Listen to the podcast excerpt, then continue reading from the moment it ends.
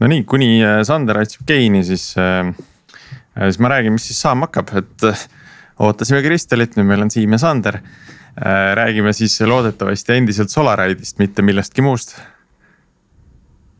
olete veidi hämmingus? jep, väga hea, ma juba kartsin, et tuleb hakata uut episoodi ette valmistama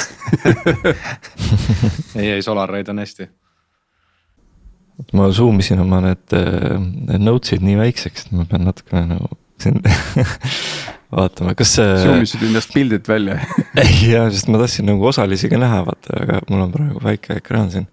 ja, ja.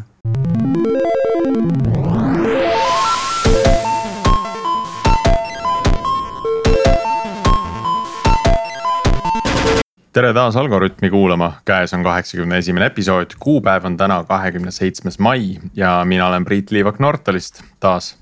Ja minuga koos on äh, taas siin stuudios ka Martin Kapp äh, Pipedrive'ist ja Tiit Paananen Veriffist.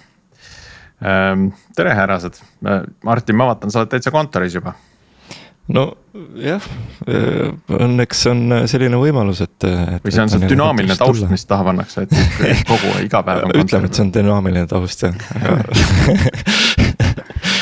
ei, tegelikult ja. ikkagi õnneks juba ja noh, saab nagu vaikselt tulla kontorisse tagasi, meid ei ole küll siin palju veel, aga. puhub tolmu välja laiali või kuidas see või palju rahvast on?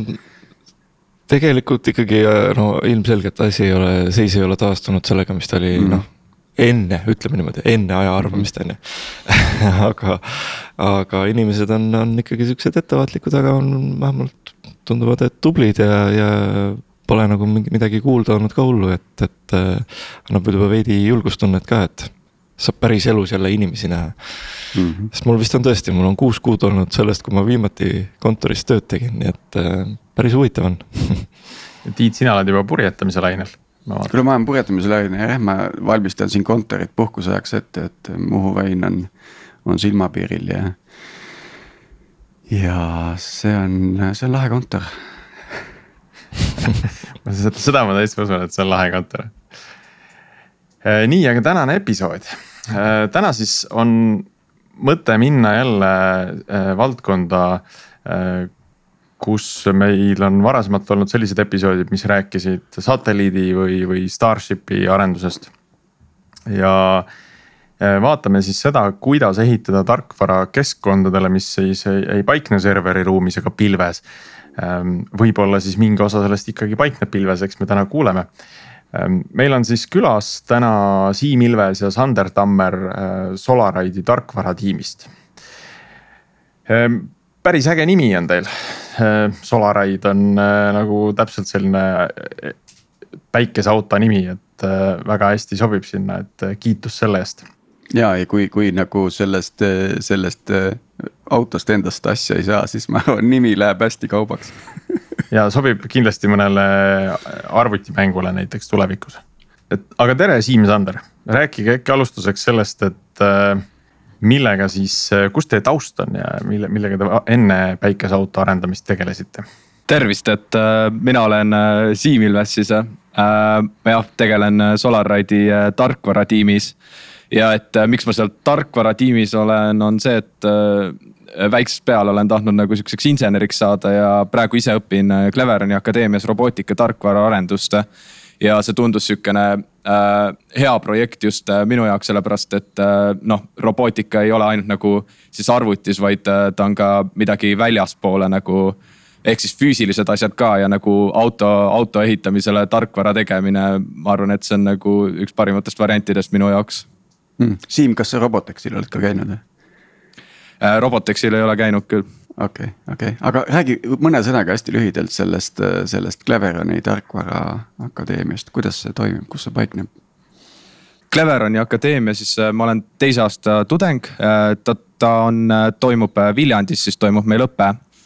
ja see õpe on sellepärast võib-olla erilisem, et kui muidu on tavaliselt nagu teoreetilised ained ainult koolis siis äh, meil on äh, praktiline pool ka ja me praktikas siis äh, ehitame isesõitvaid masinaid, et näiteks anti meile ATV kätte ja öeldi, et tehke see isesõitvaks, et oli sihuke laste ATV.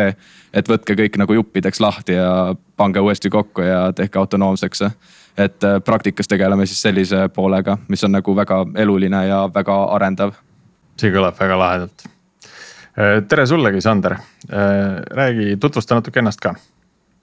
Tervist, tervist kõigile, esmalt muidugi saate suur fänn, väga suur rõõm on. seda on rõõm kuulda. Kiire tutvustus on siis see, et lõpetasin aasta aega tagasi Prantsuse Lütseumi ja siis hetkel nii-öelda enne ülikooli tegelen erinevate projektidega, et saada aru võib-olla täpsemalt, mis ala ja mis spetsiifikaga valida, et hetkel tundub selline hea vaade võib-olla kombineerida äri ja, ja IT kokku, et hetkel. ja riistvaraarendus samamoodi mm. -hmm, just ja, ja ühesõnaga kiire võib-olla tutvustus, kuidas ma siia jõudsin, oli siis see, et äh, me hakkasime klassivend Kaarel Reinvarsiga, kes on tegelikult ka töötab siin Solaride'is. mingi kuskil üheksandas klassis, kaheksandas klassis pidi tegema mingi loovtöö ja siis see tundus selline äge võimalus ehitada robot. Ja siis me vaatasime, et Robotexil on, on ju see võistlus Folk Race, kus sa pead nagu autonoomse roboti ehitama, mis mööda ringrada sõidab. Äh, no muidugi meie robot nagu just väga maagiliselt seal ringi sõitnud, et vist kui ta nagu poole ringi pealt kukkus üks mootor ära. Jah, aga see nii-öelda sealt tulid edasi mingeid projekte, me käisime hüppelaud häkatonil ja, ja igast, igast äh, muudel sellistel tehnoloogiaüritustel ja. sealt tekkis selline laiem huvi ja siis äh, kuskil paar kuud tagasi Tiit Liivik on ju, kes on Starshipi üks asutav insener, võttis kõne. ja siis ütles, et meil on nagu selline asi, et meil on nagu päikseauto on ju, lähme võistlema Austraaliasse, mis nüüd jäi kahjuks võistlus ära, on ju, aga. aga et meil oleks vaja teha selline soft üles ehitada, soft'i meeskond ja ehitada selline soft on ju, mis kontrolliks äh, meil kiirust ja vaatleks muid parameetreid ka ja siis umbes äh, niimoodi siia jõudsime, see on selline kiire tutvustus ülilahe. see on, seda on jube hea kuulda, et sellised üritused eh, nagu tegelikult nii kiiresti tõmbavad inimesed tööstusharusse, et et see on super, aga, aga annab kindlasti energiat juurde, et selliseid asju edasi teha tulevikus, et äh, hakkaks võib-olla sealt pihta, et mitu arvutit autos on? no selles mõttes, et arvuti poolest äh, il, ilmselt äh, ma, ma nagu nimetaksin, me kasutame neid mikrokontrollereid, mis siis on nagu mm -hmm. siuksed äh, juhtimissüsteemid meile. et meil põhiliselt, millega praegu meie software'i tiim ehk siis tarkvaratiim näiteks tegeleb, on kiir-, optimaalse kiiruse kalkulaator, mis siis arvutab välja optimaalseid kiiruseid elektriautole põhimõtteliselt ja teine suurem on tegelikult juhtimissüsteem autole, ehk siis see, et kui sa vajutad pedaali et mootorikontroller saaks sellest aru ja rattad hakkaksid äh, pöörlema. tundub iseenesest nagu lihtne tarkvara, et noh, vajutad pedaali, tuleb signaal äh, väärtuses nullist äh, kahesaja viiekümne kuueni või tuhande kahekümne neljani või. ja, ja siis saadad mootorisse nii palju volte, kui vaja on, aga mis seal siis keerulist täpselt on? Äh,. ei, ma arvan, et äh, selles mõttes see keeruline võib-olla ei ole, aga kuna me kõik oleme siin äh, tudengid, siis võib-olla siukseid reaalelulisi asju ei, ei näe mingeid erroreid ette, mis võivad tulla aga üldiselt on ikkagi see, et eks me arendame seal nagu teeme alguses endal mingi flowchart'i, et äh, kuidas see loogika võiks töötada, ega. selles mõttes jah, et seal on pedaal ja et pedaalis siis mootorid pöörlema läheks, aga seal on ka näiteks see, et sa saaksid cruise control'i peale panna et äh, sa saaksid mingi edasi-tagasi äh, käike nagu vahetada, et äh, kõik need asjad, et lihtsalt kui, kui paljudel ei ole nagu sihukest varasemat kogemust auto, autotööstuses, siis on hea nagu üksipulgi see lahti võtta ja hakata nagu koodi selle põhjal kirjutama.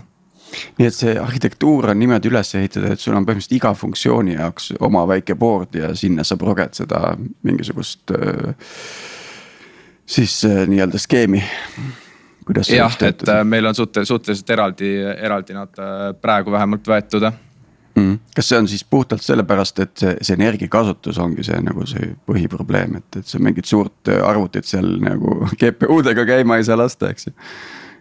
Nojah, selles mõttes, et kui me paneksime sinna arvuti, siis arvuti võtab ju juba umbes tuhat korda rohkem energiat kui mikrokontroller et midagi sellist, et pi- pigem on nagu hea, kui on nagu mitu väikest sihukest mikrokontrollerit, mis täidavad enda ülesannet. palju neid siis täpselt on? on, on seal neid kolm või kolmkümmend, et mingist nagu ligikaudset numbrit oleks hea, hea teada. praegu on siis äh, see pardarvuti, siis on, äh, mida me nimetame EKU-ks, on siis see äh, mootori äh, kontrollimis, juhtimissüsteem äh,. siis tuleb äh, laadimise süsteem äh,.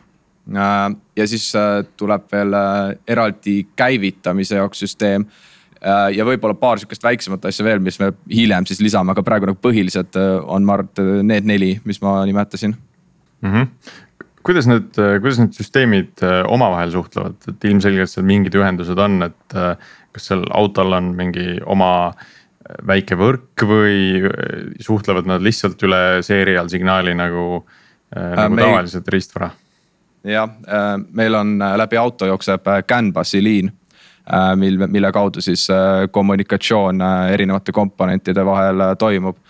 et me üritamegi siis hoida tegelikult äh, nagu võib-olla või, või, või nagu võimalikult palju neid äh, komponente eraldi, sellepärast et äh, sul on nagu lihtsam ehitada Canvas'i Canvas'i liini peale nagu bussiliini peale mitu asja panna, kus sa saad siis pärast nagu progeda seda, et nad omavahel suhtleks või mis infot nad tahavad.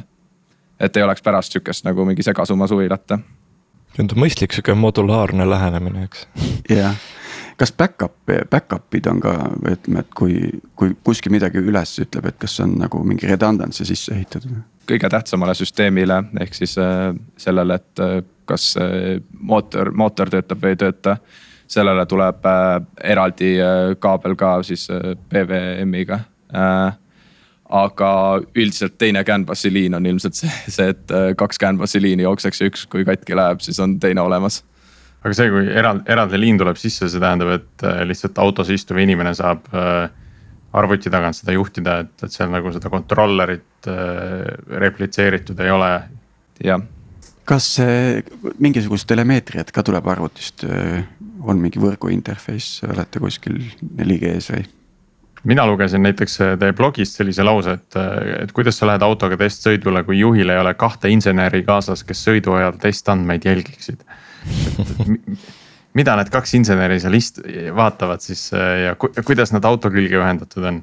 Äh, ma arvan, et praegu siis on see, et jutt käib siis äh, konkreetselt sellest, millega meie software'i tiim ka jällegi tegeleb, on äh, seesama optimaalse kiiruse kalkulaator, kus siis praegusel hetkel toimuvad meil testid ja need kaks inseneri on siis, et tegelikult piisab ühest insenerist ka, kes on nagu abiks siis juhile, aga põhimõtteliselt üks siis loeb kiiruseid ette ja teine äh, kirjutab äh, mingeid äh, märkmeid, et kas sõidul oli mingeid eripärasid või midagi sellist.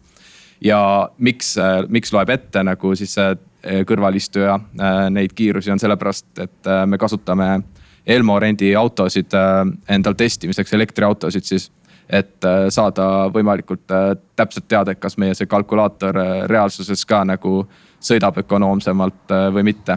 Oot, kas see tähendab, et siis te võtate Elmo rendist auto, lükkate ennast sinna juhtmega külge siis äh, jälgite seal mingeid meetrikaid äh, ka samal ajal või?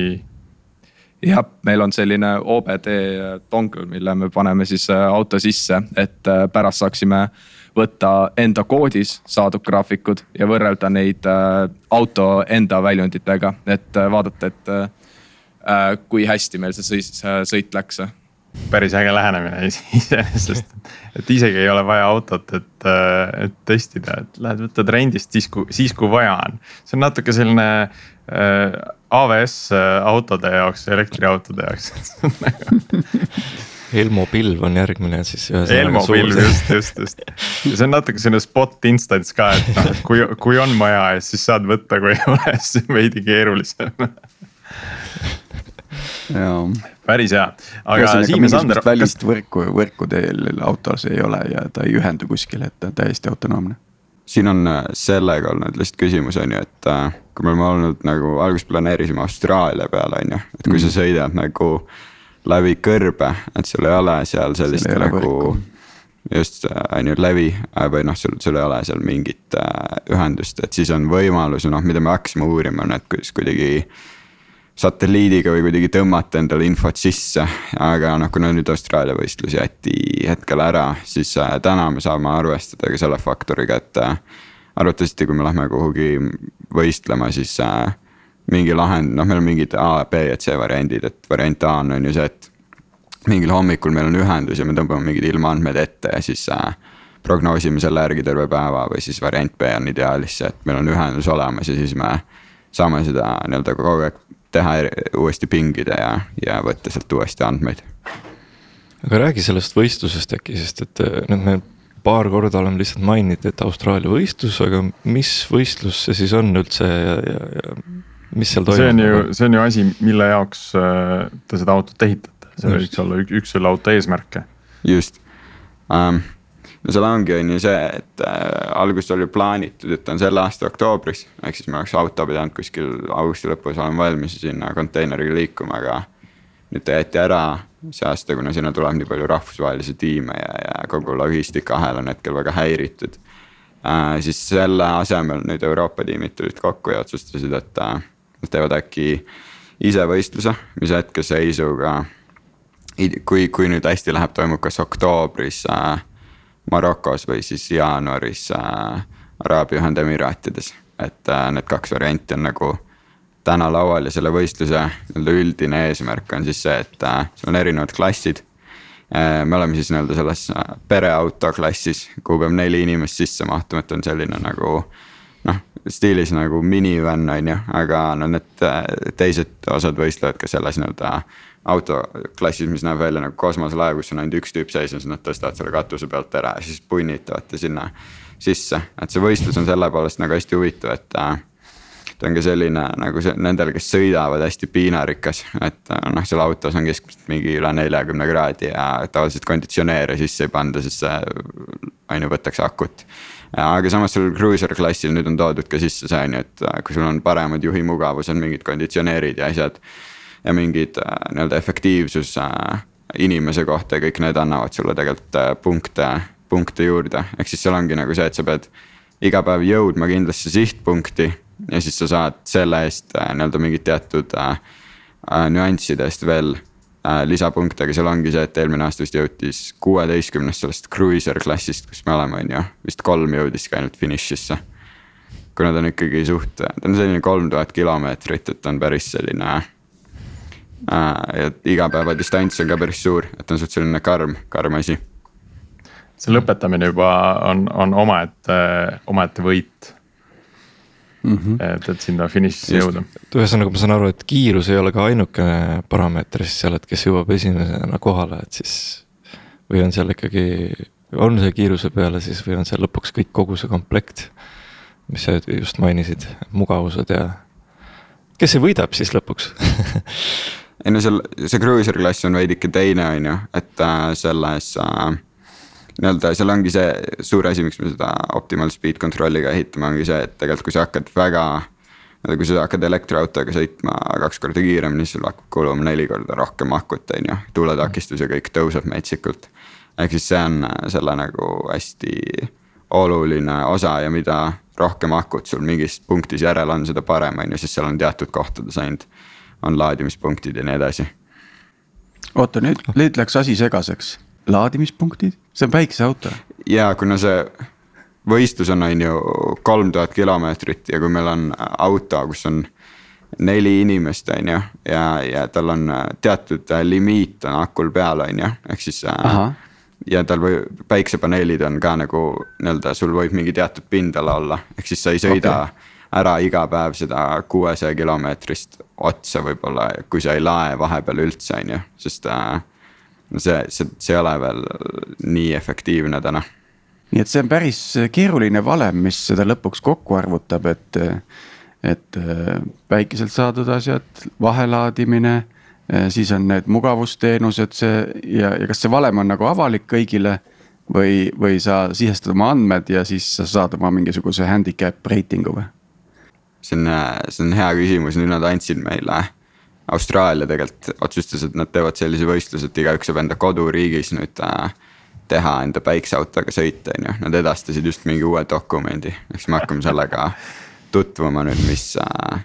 edu teile. ma just vaatan ka aknast välja, et ja andke minna siin. jah, aga Siim, ole hea, jätka, ma segasin vahele. äh,. ja ma, ma tahtsin äh, seda lisada võib-olla jah, et aknast välja vaadates äh, just täpselt, et ega meil ei saa ainult päiksepaneeli peal auto sõita. sest natuke nadi oleks niimoodi lünklikult sõita, et siis kui päike on, et siis sõidame ja siis kui päikest ei ole, et siis seisame, et tal peab ikkagi olema see nagu aku seal vahel, et kuhu salvestada see energia ja mille pealt sõita aga jah, et see võib-olla sellele küsimusele, et kes siis võidab jah, et sellel pereautol on see, et no esmatähtis on nagu ikkagi meie jaoks või noh, me võt- võtsime selle sihi, et me ehitame sõitva auto, mis jõuab lõpuni. aga alati ei pruugi võita see, kes esimesena finišijoone äh, ületab, vaid äh, seal tulevadki mängu need äh, mugavused, konditsioneer ja, ja seal on mingi žürii hindab ja seda nagu arvutuskäiku, kuidas siis nagu kuidas need punktid jaotuvad, noh seda täpselt ei, ei teatagi vist, keegi on mingi valemi paika pannud, aga ega täpselt äh, kujutelma ei ole. Mul on siin sobivalt Muhu väina särk seljas, et äh, offshore racing class, et äh, seal on sama, sama teema, et annad oma purjed, jahi pikkused, kaalud, meeskonnad, masti kõrgused, värgid ja siis loodad parimat ja siis saad mingisuguse handicap reitingu, mis tegelikult võid küll kolmandana finišisse tulla, aga, aga jääd seitsmendaks või, või võidad ära ja ka jääd neljandaks või jääd neljandaks ja tegelikult võidad ära, et see sõltub täpselt jahist, on ju. just, just. päris, päris huvitav, jaa. nii, nüüd see on me muidugi, ma arvan, selline suur misconception või selline äh, ebaselgus olnud jah, et, et kas, kui palju sellel akut vahel on äh, ja, ja mis. see tundub nagu, et päikeseauto sõidab ainult päikese pealt, eks ole. ja, ja. kas mingi aga tegelikult see selline on klass on ka? äh, solar enabled äh, electric äh, auto, eks ole. põhimõtteliselt, aga kas äh, nagu Tiit küsis, kas selline klass on ka, mis ainult päikese pealt sõidavad? minu teada praegu vähemalt sellel võistlusel ei ole. ma ei tea, Sander, kas sa oskad täpsemalt öelda?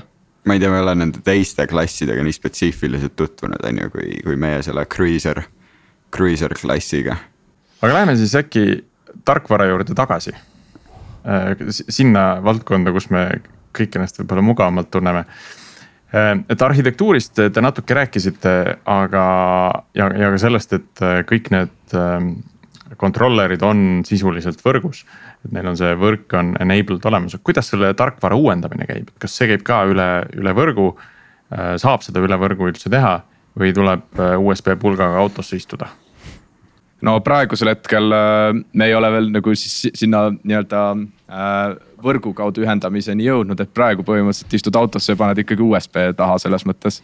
aga kindlasti nagu tuleviku perspektiivis ei tundu võib-olla ratsionaalne, et iga kord käia seal autos, et äh, pigem nagu oleks hea, kui saaks äh, kaugemalt ka siis äh, tarkvara uuendusi teha, et äh, näiteks on äh, kuskil mingid testsõitjad, kes sõidavad, ütlevad, et näe, see on jama ja siis äh, me istume kuskil kontoris ja teeme asja korda ja saame võrgu kaudu saata need uuendused sinna ära. ja kui nüüd äh, arendusest veel rääkida, et, et kuidas see tarkvara sinna mälupulga peale saab. et äh, mis, mismoodi selle asja arendamine käib, et äh, võtame siis noh, hästi pulkadeks lahti, et. et millised programmeerimiskeeled, kas teil on ka mingeid raamistikke seal teatud kohtades, millist protsessi te kasutate ja kui suur see tiim üldse täna on? no ma arvan, et äkki alustame siis kuskilt otsast peale, et äh, ma arvan, et see raamistiku küsimus võib-olla, et ja sellest, et milline tiim on. tiimis on äh, selles mõttes kaheksa inimest praegu meil. ja meil on jaotunud niimoodi, et äh, meil on siis kaks tiimi, on, kutsume Tartu software tiim ja Viljandi software tiim kes siis, üks tegutseb praegu siis äh, optimaalse kiiruse kalkulaatoriga ja teine tegeleb selle juhtimissüsteemiga. raamistikust äkki Sander äh, räägid täpsemalt just, just. ühesõnaga on ju, kui me alustasime seda soft'i meeskonna ülesehitamist on ju, et äh, meil oli varasem kogemus, kui me ehitasime mingeid äh, neid roboteid ja nokitasime mingite mobiilimängude asjade kallal e,. siis me teadsime, et kui noh, me oleme nii palju ehitanud äh, mingit tarkvara lihtsalt nagu põlve otsas niimoodi, et sul on lõpuks mingi hunnik spagetti koodi kuskil laua peal ja siis keegi ei saa midagi aru enam ja, ja asjad ei, ei tööta, et siis me otsustasime, et me teeme seekord ülikorralikult. panime paika selle, et võib-olla nüüd mingid professionaalsemad tarkvaraarendajad hakkavad naerma, kui nad äh, kuulevad, on ju, et vaadake, mille poisid nüüd avastasid või. aga ma arvan, et võib-olla mingi noortematel on siin hea kuulata, kes, kes võib-olla õpivad alles ülikoolis või nii. me põhimõtteliselt siis panime paika Scrum metoodika, mida me võib-olla ise veidike modifitseerisime, me lihtsalt käisime läbi mingi, mingid paar Microsofti venda on kirjutanud mingeid äh, Scrumi raamatuid, on ju, ja siis me rääkisime ka äh, paari poisiga, kes on ise kasutanud seda ja siis me lihtsalt äh, tõmbasime endale ka nagu. Jirad ja Confluence'id ja lahti ja siis Miros me teeme retroboard'e, et äh, panime sellise hea struktuuri paika, no näiteks see, et äh, äh,. Meil on siis niimoodi, et on Tartu ja Viljandi tiimid ja siis on Tartu tiimi juht ja Viljandi tiimi juht. Ja siis äh, me aitame, mina ja Kaarel aitame neil nii-öelda, ma olen rohkem operations poole peal, Kaarel on rohkem nagu selline tehnoloogia manageerimise poole peal. Ja siis me aitame seada seda üldist strateegiat ja suunda ja siis äh, Tartu ja Viljandi tiim saavad siis manageerida täpselt vastavalt detailsematele ülesannetele. Ja siis äh, me kohtume on ju iga teisipäev me planeerime, iga teisipäev me vaatame üle eelneva sprindi on ju, teeme retro. ja siis kolmapäeval paneme nagu uue sprindi käima uue plaaniga ja siis ongi see, et seal on. poisid on näiteks öelnud, et mul on mingi see nädal kümme tundi on ju, ja siis me üritamegi panna niimoodi task'e, et need mingid task'id oleks seal. Story point idega vastavalt tundidele, et siis mingi noh, mingi üks, kaks kuni kolm tundi oleks üks, üks task ja siis see tekitab selle hea tunde, on ju, et kui sa oled remote tiimis et sa näed, et on ju kõik, kes mida teevad ja, ja mida sa tegema pead ja siis sa ei hakka seal nagu niimoodi slack ima, et oo, ma võib-olla teen hiljem ja. ja siis meil on muidugi, kasutame ka, ka Slacki tarkvara suhtlemiseks, täidame seal stand-up'e ja, ja. see on selline üldine, hästi võib-olla lihtne versioon, meil ei ole mingeid Scrum Master eid ja selliseid, et see on selline lihtne versioon, mis on üllatavalt äh, hästi äh,, hästi töötanud. see on selline kiire, kiire tutvustus Scrum bot on äh, see, mida mm, -hmm. kuidas sellele sageli viidatakse, et me teeme Scrum'i, aga me teeme natuke teistmoodi ah,. see on täiesti, see on täiesti okei okay. ja nüüd see, see, need, need raamistikud äh, just nagu tarkvara võtmes, äh, et, et. kas, kuidas teil, kus teil kood on, palju testite, kus testite, see pool? autos Elmo, Elmo pilves. Elmo pilves jah Production ikka testing et kus veel testimist tehakse või mismoodi ütleme arendusprotsessi jooksul seda testimist tehakse? mis keeles te üldse progate? Äh, meil on äh, praegu niimoodi, et siis okei okay,, ma vastan sellele, et mis keeles võib-olla enne ära. et äh, me alustasime siis kõik selle optimaalse kiiruse kalkulaatoriga ja alustasime Pythoniga, tundus sihuke hea keel, millega minna ja alguses plaanisime tegelikult Raspberry Pi peale ehk siis arvuti peale põhimõtteliselt panna selle süsteemi, aga siis meil mentorid ütlesid, et võib-olla see ei ole kõige ratsionaalsem otsus.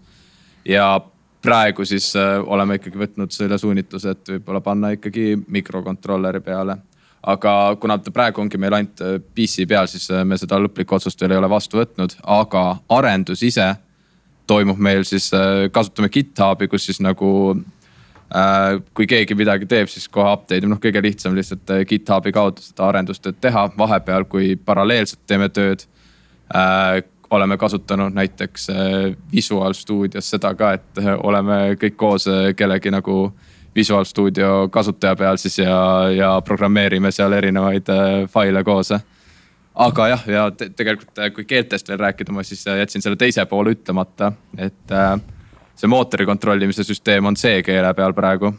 -hmm. ja noh, C-keelt äh, ütleme nii, et seda me oleme ka niimoodi jooksu pealt õppinud, et äh, väiksed kogemused olid all, aga siis, kui tegelikkuses tegema midagi hakkasid, siis nagu hakkasid järjest rohkem uurima, et kuidas see üldse töötab, et Python on selles mõttes, ma arvan, et kõvasti lihtsam, millega tegeleda alguses vähemalt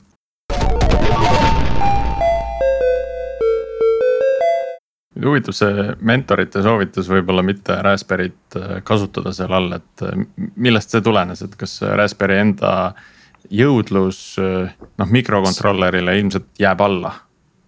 jah, seal on jah, täpselt see jõudluse küsimus on, siis nagu juba rääkisime korra, et energiasööve, et kui palju ta energiat sööb siis ja see ka, et mikrokontroller näiteks kui, et põhimõtteliselt nagu, kui sa paned ta käima siis mikrokontroller teeb selle mingi millisekunditega läheb käima, aga Raspberry Pi'l võib mingi viisteist sekundit minna. ja nagu siuksed äh, reboot imise asjad ka, et äh, kui keset sõitu nagu meil mingi error tuleb ja siis Raspberry Pi hakkab viisteist sekundit nagu juhtimissüsteemi ajal nagu mõtlema, siis see on natuke liiga palju. muidugi me, me räägime siin täiesti, ma arvan, meie jaoks nagu ulmelistest numbritest, et et noh, kui siin võrrelda nagu Raspberry Pi ja mikrokontrolleri energiatarvet, et noh, need täiesti tühised numbrid tunduvad nagu selle kõrval, et. et kas ma panen uue EC2 masina instantsi püsti või, või ah, juba koorm-, koormus tõuseb, paneme kolm poodi veel kuskile Kubernetese klastrisse. noh, mille, mille lõplik see energiakulu noh on, on tohutult suur ja, ja see äh, võimalus skaleerida on, on nii meeletu, et teil on äh, pidevalt see raam nii tugevalt peal, et, äh, et kõiki neid piiranguid on väga raske kindlasti arvesse võtta. no aga kui palju võtavad näiteks, võtab siis üks mikrokontroller voolu, mitmevotised nad siis on või kuidas, kuidas seda arvutate või mõõdate? täpselt ei mäleta, ma tean, et kas Raspberry Pi oli äkki viis votti võttis mm. -hmm ja ehk siis tuhandega jagada äh, mikrokontroller, äh, midagi sinnakanti. no tuhandekordne vahe on juba kolme tuhande kilomeetrise sõidu peale päris ja. märkimisväärne. et siin peab seda, seda ka silmas pidama, et kui, kui suur see challenge on. et kui kolm tuhat kilomeetrit saaksid sõita mikrokontrollerite peal, siis Raspberry Pi peal sõidad kolm kilti ja valmis jah, just et kui puhtalt nende energiate peale, siis küll jah. aga jah no,, et selles mõttes jah, muid asju ka, aga. jah, et hea, et meil äh, Solaride'is siis mentorid on, et kes äh, oskavad nagu meid siukseid kogenematuid äh, tudengeid võib-olla ka nagu õigele teele suunitleda ja põhjendada ära mingeid otsuseid, et tulevikus mm -hmm. kindlasti kasulik ka noh, kindlasti ka kui peaks tootmine tulema, ma kujutan ette, et ühte mikrokontrollerit võib-olla toota on ka veidi või tellida on ka lihtsam kui võib-olla valmis arvutid, kus on, on tarkvarad no,, uuendamine samas on teistpidi. väga huvitavad kogu probleemid lihtsalt teil on, et, et selles mõttes on väga lahe kuulata, et äh, kuidas sa mikrokontrollerit üle võrgu näiteks uuendaksid pärast? saab. saab jah, võib, võib-olla ei saab ikka saab ja neid, neid džippe on olemas, mida täitsa saad juba täna äh, üle võrgu uuendada, aga ilmselt ka nende energiatarve on jälle kõrgem, et kui sa seal selle wifi mooduli sisse lülitad, et siis ta hakkab, hakkab imema. Mm mind huvitaks see, see, me rääkisime sellest kiiruse kontrollist ja see, ma saan aru, loogi- või see ülesanne on suhteliselt straight forward, aga noh, et ta töötaks igas, igat, igas tingimuses on ilmselt see challenge. aga, aga see juhtimissüsteem ise, et ähm, et palju nagu juht või mida see juht seal nagu päriselt peale gaasipedaali vajutamise nagu teeb või see auto sõidab ikkagi sisuliselt ise nagu kiirusevõtmes? Äh, kiirusevõtmes jah, äh, meil on siis äh, väl-, välja mõeldud ta praegu niimoodi, et meil on kaks cruise control'i siis nuppu, et meil on põhimõtteliselt kolm valikut, kuidas sa saad sõita autoga, ehk siis kuidas sa saad kiirust valida. üks on siis klassikaline pedaaliga üks on siis selline nagu autodel on äh, cruise control ehk siis äh, vajutad nuppu ja siis saad sealt kerida, et äh, mis kiirusega sa tahad sõita. ja siis see kolmas variant ongi nüüd see meie software'i välja, välja tehtud nagu välja arendatud optimaalse kiiruse süsteem. ja põhimõtteliselt see praegusel hetkel töötab niimoodi, et meil on kaks nuppu, üks on on-off ehk siis kas cruise control on peal või ei ole. ja teine on see, et kas ta on manual või software'i peal et ta on praegu sellisel moel lahendatud ja siis sellel juhil ongi nagu noh, linna sees pole mõtet meie seda software'i äh, optimaalset kiiruse äh, kontrolli kasutada äh,. samamoodi pole mõtet nagu cruise control'i kasutada, sest näiteks mina, kui linnas ringi sõidan, siis ei pane kunagi peale cruise control'i, sest sellel pole lihtsalt mõtet, foore ja pööranguid ja kõike siukseid on nii palju. aga põhiliselt ongi siis äh, maantee peal, kus äh, juht äh, vajutab siis seda on nuppu, et cruise control on ja siis vajutab seda, et äh, software ka peale. ja, ja siis on ainult äh, põhimõtteliselt roolida vaja, ehk siis hoida rooli ja kiirused kõik äh, tulevad meie software'i arendustööst. aga kui tuleb järsem kurv, et siis, siis juht peab sekkuma, eks ju? selles mõttes ikka jah, et seal on see loogika ka sisse pandud, et samamoodi nagu tavalisel jälle, et pidurit vajutad, siis on jälle pedaali kontrolli peale, läheb üle aga millest, millest see optimaalne kiirus siis üldse sõltub? et kui nüüd seda tarkvara natuke lahti harutada, et seda keerukust illustreerida. et ma saan aru, et see sõltub otsesest päikeseenergiast, mis nagu parasjagu sisse tuleb, eks ole, võib-olla mingist akude laetuse tasemest. mis seal parameetritena veel sees on? Ma saan aru, et takistus kasvab nagu teatud äh, logaritmilises astmes, eks ju, et. Äh, just, just seal on, nagu me alustame sellest, on ju, et seal on. esiteks meil on geograafilised muutujad, neid on nagu hunnik, on ju, et seal on.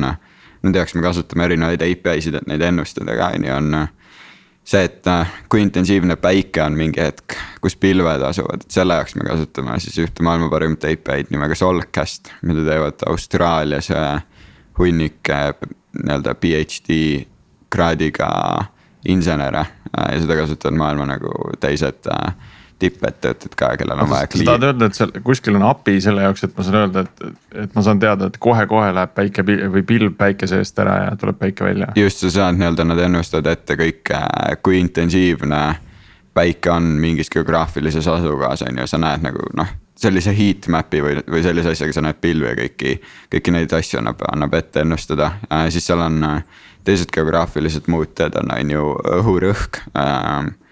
Äh, tuulesuund äh,, tõusud, laskumised on ju, et õhurõhu, tuulesuuna. ja nende jaoks me kasutame siis tomorrow.io API-d ehk siis äh, see on ka üks selline, just tõstsid mingi hunniku raha, mingi kaheksakümmend miljonit, nad teevad suurtele ettevõtetele nagu tuulepargid äh,, mingid äh, need äh, mingi igast, igast ettevõtted, kes no näiteks mingi meretransport on ju, et nad saavad nagu ette ennustada seal äh, sellise dashboard'i peal, et äh, näiteks homme kell viis. pigem hoia nagu tagasi, et ära mine sinna mingisse äh, meresoppi, et seal tõuseb torm, on ju, et, et selliseid asju nad lahendavad ja meie siis kasutame, et me äh, nii-öelda küsime neilt äh, endale infot, et äh, mis on mingi tuulesuund, õhurõhk äh,, temperatuur, kõik need asjad, on ju äh,. mõjutavad, sest äh, noh, olenevalt kust tuul tuleb, on ju, tekib erinev ristlõike pindala autol ja see mõjutab kogu seda nii-öelda aerodünaamika elementi, siis kui me hakkame liiga kiiresti sõitma ka, siis on noh, graafikul näha on ju, kuidas see aku tarbimine kohe üles hüppab ja, ja tõusudel ja laskumistel me üritame kasutada ära siis äh, nii-öelda inertsi ja selliseid äh,, selliseid äh, asju, et hoida, hoida akut äh, kokku veidike. kas see mootor töötab la, la, nagu generaatorina ka laskumisel? Äh, regenerative äh, break, breaking peaks peal olema küll meil jah mm, -hmm. tähendab, on, ühesõnaga töötab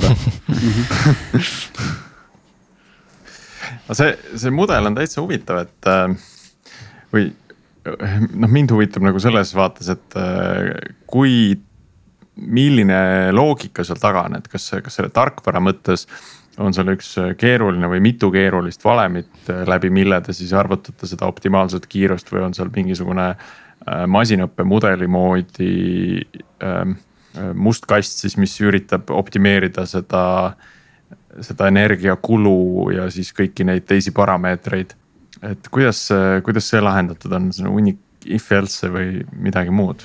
no masinõpet äh, praegu meil sisse ei ole toodud veel, äh, sest meil pole ilmselt äh, veel piisavalt pädevaid inimesi, kuigi paljud nagu tiimist on huvitatud sellest. aga lihtsalt praegu on sihukene, tegime kuskil aasta alguses sihukese suure skeemi lihtsalt põhimõtteliselt, mis ongi siis mingite if statement itega põhimõtteliselt üles ehitatud, kus on nagu see loogika, et kuidas me saaksime sõita ökonoomsemalt, et äh, ma võin seda loogikat äh, veidi võib-olla põhiasja nagu lahti seletada. et äh, põhimõtteliselt noh, Sander loetles need kulufaktorid, eks ole. meie kasutajaliides on see, et kasutaja paneb sisse selle aja või noh, seda, seda aega, mis, millal sa startid, seda ei pea sisse panema, see on nagu ajahetk. ja paned selle aja, et millal sa tahad lõpetada sõidu ja äh, siis sa paned äh, alguspunkti ja lõpp-punkti koordinaadid sisse ja selle järgi siis äh, tuleb loogiliselt, eks ole, äh, kiiruse valemi järgi see, et äh, kui kiiresti peaks keskmiselt sõitma. selle keskmise kiirusega arvutame me välja nende kulufaktorite põhjal selle, et kui me sõidaks terve tee keskmise kiirusega, kui palju energiat kuluks. siis nüüd, kui meil see on käes siis me teame seda, et kui palju üleüldiselt meil energiat kulub ja me võtame selle sihukesteks väikesteks segmentideks, mingi ühekilomeetristeks segmentideks. ja selle järgi arvutame siis põhimõtteliselt välja selle, et kui palju oleks optimaalne kiirus nendes segmentides, kui meil on kasutada see energia hulk. ja nende kiiruste järgi tulebki siis meil iga segmendi kohta erinev kiirus ah,. ja kulufaktorites me võtame loomulikult ka kiirendust arvesse, et need segmendid oleks omavahel ka nagu ühenduses. et äh, ei oleks see, et üks segment on näiteks kuuskümmend kilomeetrit tunnis ja teine on üheksakümmend kilomeetrit tunnis, sest seal lihtsalt kuluks äh, nende kahe segmendi vahepeal kuluks energiat äh, üüratult palju. see mulle õudselt äh, meeldib see, see kirjeldus, mis sa praegu andsid, ma nägin siin millegipärast hästi palju paralleele teiste valdkondadega. et kui mõelda äh, videotöötlusalgoritmide või helitöötlusalgoritmide peale, mis kasutavad samamoodi sellist segmenteeritud lähenemist tihti ja sellist ähm, noh, ülekandmist äh, naabersegmentidele. et noh, kuna see on oluline, et sa ei saa ühte segmenti liiga palju optimeerida, sest vastasel juhul see lihtsalt kõlab või paistab nagu kuskilt välja, et siis sa pead nagu arvestama. Äh, et, et see on selline noh, et seal taga on matemaatiline teooria, eks ole, mida sa saad siis äh, rakendada tegelikult väga paljudes erinevates valdkondades. räägiks nendest asjadest ka, mis nässu on läinud et äh, millised äh, apsakad äh, kogu selle protsessi juures on, on ette tulnud, kas siis riistvaralised või tarkvaralised bug'id? mõni põnevam lugu või, või midagi, mida oli nagu eriti keeruline ära lahendada? ma, ma, mul nagu esimese asjana, kui sa ütlesid, et mingeid nagu, mis jamasid on nagu ette tulnud, siis mul tuleb meelde üks nädal. mis ei ole küll tarkvaraga seotud, aga üks nädal, kus siis äh, mina pidin siis nii-öelda tellima meile vajalikud äh, komponendid. siis ma tellisin, varem me mõtlesime, et me teeme STM kolmekümne kahe peal, mikrokontrolleri peale endal selle äh, juhtimissüsteemi. aga tellisin ära siis selle, mõtlesin, et tuleb arendusplaadiga koos, siis tuleb kohale sihuke väike kivi. karp, kus on ainult kivi sees ja nagu selle kiviga ma ei oska nagu esialgu nagu midagi, midagi teha, et. et see, see oli võib-olla see, et pidin siis nagu tagasi saatma selle ja kusjuures järgmine nädal sellest me otsustasime, et äh, me Raspberry Pi'd ikkagi ei kasuta. ma olin küll tellimuse ära teinud, aga siis ma ütlesin logistikatiimile, et, et, et ei ole vaja, aga kuskil läks äh, kommunikatsioon nagu metsa veidi ja, ja siis meil tuli kolm Raspberry Pi'd kohale. Mille siis pidime ka tagasi saatma, et siuksed nagu, siukseid jamasid nagu soft'i tiimil või siis nagu minu nende tellimustega olnud, et, et lihtsalt asjad muutuvad kiirelt või siis äh, ei ole, ei ole nagu piisavalt virumust, et õigeid asju tellida. aga autoga, mis on kõige toredam asi, mis või noh, toredam või naljakam asi, mis autoga on ka midagi juhtunud või? kui te olete testisõite teinud või niimoodi? No testisõidud on meil praegu olnud äh, Elmo rendi autoga, seal on äh, jah, see ja et seal on nagu see, et äh, noh, alguses, kui me neid testsõite hakkasime tegema, siis põhimõtteliselt istud tund aega enne Elmorendi autos, et koodi tööle saada. et võib-olla praegu kõlavad jah nagu naljakalt, et tund aega istud kuskil parklas ja lihtsalt üritad seal leida, et mis jama on, aga selles ajahetkes oli natuke sihuke närvesöö küll, et pane mingi tund aega istun siin parklas ja pean tegema mingit koodi kirjutamist, et tahaks juba nagu proovida, et kas meie programm töötab välikontor. jah, välikontor kas keegi ligi ei ole tulnud, et kuule, mis sa siin Elmo Rendi autos teed niimoodi läpakas lahti ja juhtmed küljes, et mis toimub? praegu ei ole tulnud, kuigi ma arvan, et pigem võib-olla on seda sõidu peal näha, kui me nagu noh, nagu ma ütlesin, et arvutame niimoodi, et kuidas kõige optimaalsem on ja siis me ei sõida ühtlase kiirusega, vaid me nagu ujume veidi tee peal. et võib-olla tee peal on nagu olnud siukseid äh, momente, kus äh, keegi teeb möödasõitu ja siis vaatab, et me oleme üheksakümne alas, sõidame mingi seitsmekümnega ja korra nagu vaatab aknast sisse. ja siis vist näeb, et meil on seal läpakas lahti ja et äh, midagi me toimetame, et. mehed noh, istuvad niimoodi lihtsalt arvutites, keegi rooli ei keera nagu vaata. oota, nüüd, nüüd ma hakkan vaikselt aru saama, te ei kasuta Elmorenti mitte ainult passiivseks, vaid üle ODB-de juhite seda ei, ei, ei, ei.. Elmo, Elmo on nagu, Elmo on nagu, Elmo on see, millega me sõidame, aga yeah. meil ei, ei, ei juhi seda selles mõttes, me juhime ikkagi nagu manuaalselt seda. okei okay., jah. aga meil lihtsalt on nagu, jah. Teil on lihtsalt -hmm. nende Elmo andmed tulevad üle ODB sinna oma algoritmi sisse. jah, jah, mille me saame pärast ja. siis nagu analüüsida või noh. sellepärast peabki siis neid kiirusi ette lugema. et seal keegi taga ütleb, et seitsekümmend kaks, seitsekümmend kolm, seitsekümmend kaks, seitsekümmend üks. jah, sellega ongi see, et sellega me oleme ka veidi nagu mõelnud, et kuidas võib-olla edasi minna ja nüüd on see, et äh, kui enne tuli ta seal terminalis, siis mingi Visual Studio terminalis tuli nagu neid väikselt niimoodi printis neid äh, kiirusi. siis nüüd me tegime sihukese nagu kasutajaliidese, kus ta on juba nagu suurelt ekraani pealt sihuke lahmakas, et kui kiirelt sõita. ja tegelikult edasi minnes seal siis äh, äh, kunagi oli see äh, ma ei tea, kas see oli ka, kiiruskaamerate äpp või midagi sellist, kus sa, sa said nagu panna näiteks äh, endal sinna äh, akna alla telefoni ja panid mm -hmm. peegelpildi ja siis ta on mm -hmm. akna peal. et nagu võib-olla see on see, kus me saame ka teha niimoodi, et, äh, et põhimõtteliselt saab olla ainult üks testjuht ja kedagi rohkem ei peagi olema. või siis mingi näiteks häälega see on ka variant aga kuidas siis tulemused on olnud, et see, see tähendab seda, et, et sa, sinu algoritm töötab, ütleme kõrval, eks ole. võtad Elmo rendi auto Elmo rent ütleb, et noh, mingi sada kilti saad sõita, eks ole. olete saanud siis nagu ka paremaid tulemusi tänu siis oma algoritmile või, või kuidas see siis nagu noh.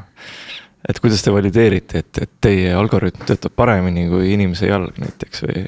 no selles mõttes, et äh, Elmo rendi autodel on ikkagi et saame, saame pikemaid sõite kui sada kilomeetrit äh, tunnis sõit, sõita. aga meil toimub ta siis äh, niimoodi, et äh, me põhimõtteliselt sõidame, teeme enda testsõidu ära äh,. testsõit üks, nimetame siis seda niimoodi, on äh, see, kus me, kus me sõidame siis äh, meie kalkulaatoriga ja testsõit kaks on see, kus äh, me sõidame siis äh, keskmise kiirusega, mis on see keskmine kiirus, mida me kasutasime mm -hmm. seal äh, äh, kalkulaatoriga ja kui me noh, kasvõi võtame selle ühe numbri, palju meil energiat kulus, siis neid saab juba omavahel võrrelda mm. -hmm. siis, kui me võtame seda rohkem lahti, siis me saame panna graafikud äh, põhimõtteliselt kokku ja vaadata mm -hmm. seda, et kus kohas kus on erinevused. jah. ma hakkasin praegu nagu mõtlema, et see see geograafiline väljakutse, et siit saad Tabasalu mäge ja Nõmme mäge saad rünnata, aga ülejäänud on kõik lame maa siin Tallinna lähedal. jah, no Viljandi lähedal on kindlasti palju parem, seal on. seal on jaa. natukene välja sõita, siis on kõik juba veidikene on nagu tõuse ja. no Tartu-Viljandi on sihuke ikka päris palju on sihukest üles-alla minekut selles mõttes, et mul on jah Tartu-Viljandi juba peas, sest noh, esiteks ma ise olen Tartust pärit ja käin, käin Viljandis koolis, aga teiseks nüüd on need testsõidud ka ja siis nagu sõidame neid Tartu-Viljandi vahel testsõite ka. et äh, see, see tee on juba suht peas, et tean täpselt, millal on mingi tõus ja millal mingi langus. kui head need, äh, kui head need online'ist tulevad andmed on, sest ma tean, et äh, Starship näiteks teeb seda, et iga uus piirkond, kuhu nad lähevad, nad ise kaardistavad veel täiendavalt neid, neid piirkondi ära. sest lihtsalt need andmed, mis on mujalt kättesaadavad, ei ole sellise kvaliteediga nagu vaja on. et kui, kui head andmed sealt API-dest tulevad? Sander, äkki oskad sa öelda? just äh,, selles mõttes on hea küsimus eh,. mida me ise ka alguses äh, mõtlesime, mida võiks teha, ongi see on ju, et äh, me teeks, äh, vaatleks niimoodi, et me paneks, et me sõidame näiteks Tartust Tallinnasse või, või Tallinnast Tartusse ja siis me võtaks nagu. niimoodi, et me salvestaks ära kõik andmed, on ju, mis läbi API tulevad, et meil on üks tabel, et okei okay,, API ütles, et mingi päikeseintensiivsus on see, tuulenurk on see, kiirus on see, on ju. Äh, tõusud, langumised, laskumised on see, on ju, aga siis kõrval me teeks ka seda, et äh, enda sensoritega noh, kõik mingid noh, stiilis anemomeetrid ja sellistega peaks olema võimalik kõiki neid samu asju mõõta ise, on ju. ja siis võrdleks, paneks need kaks setti kokku, et mis oli nagu real data ja mis oli nagu see predicted data, et, et siis, siis me saaks sealt selle confidence äh, intervalli on ju, et kui ta on seal üheksakümmend viis protsenti pluss on ju, et siis on nagu ja tuleb niimoodi mitu mõõtmist järjest, et siis võib nagu kindel olla, et, et kõik need predictive data point'id on, on tegelikult vastavad äh, sellele, mis, mis olid ka päriselus, aga sinna me ei ole veel täna nagu sajaprotsendiliselt äh, jõudnud, sest meie esimene eesmärk on saada see tööle, on ju, nende ennustatavate data point idega, siis liikuda sealt järjest äh, täpsemaks ja optimiseerida seda viimaseid protsente järjest ja järjest täpsemaks, sest siis, kui me teamegi, on ju, et, et vahepeal ta paneb mööda või mingites kohtades mingi API ei tööta, siis, siis me saame seda seal edasi nagu optimiseerida. võib-olla siia lõppu ma küsiks seda, et te olete nüüd selles valdkonnas veidi aega sees olnud, et. et ma ei tea, kas te teate, kas täna on ühtegi seeriatootmises autot, kes, kellel on päikesepaneel. ja kusjuures äh, see üks tiim Hollandist vist on nad, kes võistlesid mingi üle kümne aasta. Lansseerisid nüüd enda päikese aut-, või noh, ta on elektriauto päikesepaneelidega on ju. Nad tõstsid vist äh, mingi üle saja miljoni ja esimesed tellimused peaks jõudma kohale inimestele selle aasta lõpus äkki või. Mm.. minu arust äh, see Toyota, see Prius või mis iganes see nende on ju see äge hübriid on, sellel vähemalt kui ma nägin ükskord, kui ma sealt esindusest mööda sõitsin, minu arust seal on nüüd Toyotal on ka endal see päiksepaneel äh, katusel, et äh, selles mõttes see hakkab Jah. nagu järjest, järjest tulema sinna et äh, vist oli ka Hyundai'l on nüüd selle aasta mingi uus elektriauto mudel, mis ütlesid, nemad ütlesid, et kaks tuhat kilomeetrit aasta peale. on see palju või vähe ühe elektriauto kohta? et, et kui sul on paneel katusel, mis aitab sul seda, seda sõitu pikendada kaks tuhat kilomeetrit aastas. Kuidas see tundub? no ma ei tea, normaalne inimene sõidab siin? Eestis mingisugune kakskümmend, kolmkümmend tuhat kilomeetrit aastas, eks ju, et. et No siis kümme protsenti päikeselt. eks ta ole natuke sihuke lapse kingades võib-olla asi veel, et äh, need päiksepaneelid on, kui ma ei eksi, siis meil oli äkki kahekümne viie protsendise efektiivsusega. et nagu seal on hästi-hästi-hästi palju maad veel, kuhu minna, aga jah, et ma arvan, et nagu selles mõttes, et äh, kui ta toodab sul jah, kümme protsenti nagu vist välja arvutati, siis ta on juba tegelikult üsna hea. et, et saad nagu, saad sõita natuke rohkem, aga eks tulevikus loodetavasti lähevad äh, päiksepaneelid veel efektiivsemaks niimoodi, et sa sõid, et sul on nagu ta viiskümmend protsenti aastasõitudest. ja see oleks juba suhteliselt hea, sest ma arvan, et täielikult päiksepaneelidel sõitvat autot. No lähitulevikus kindlasti ei tule, et seal peab ikkagi see aku vahel olema, mida laadida, et äh, nendes nii-öelda pilvede kohas siis äh, pilvede kohas siis auto ikkagi edasi sõidaks, mitte seisma ei jääks. nii, aga tõmbame siis tänaseks joone alla. Siim ja Sander, aitäh teile tulemast. oli väga kihvt episood, hoopis jälle teistmoodi kui, kui mitmed meie varasemad.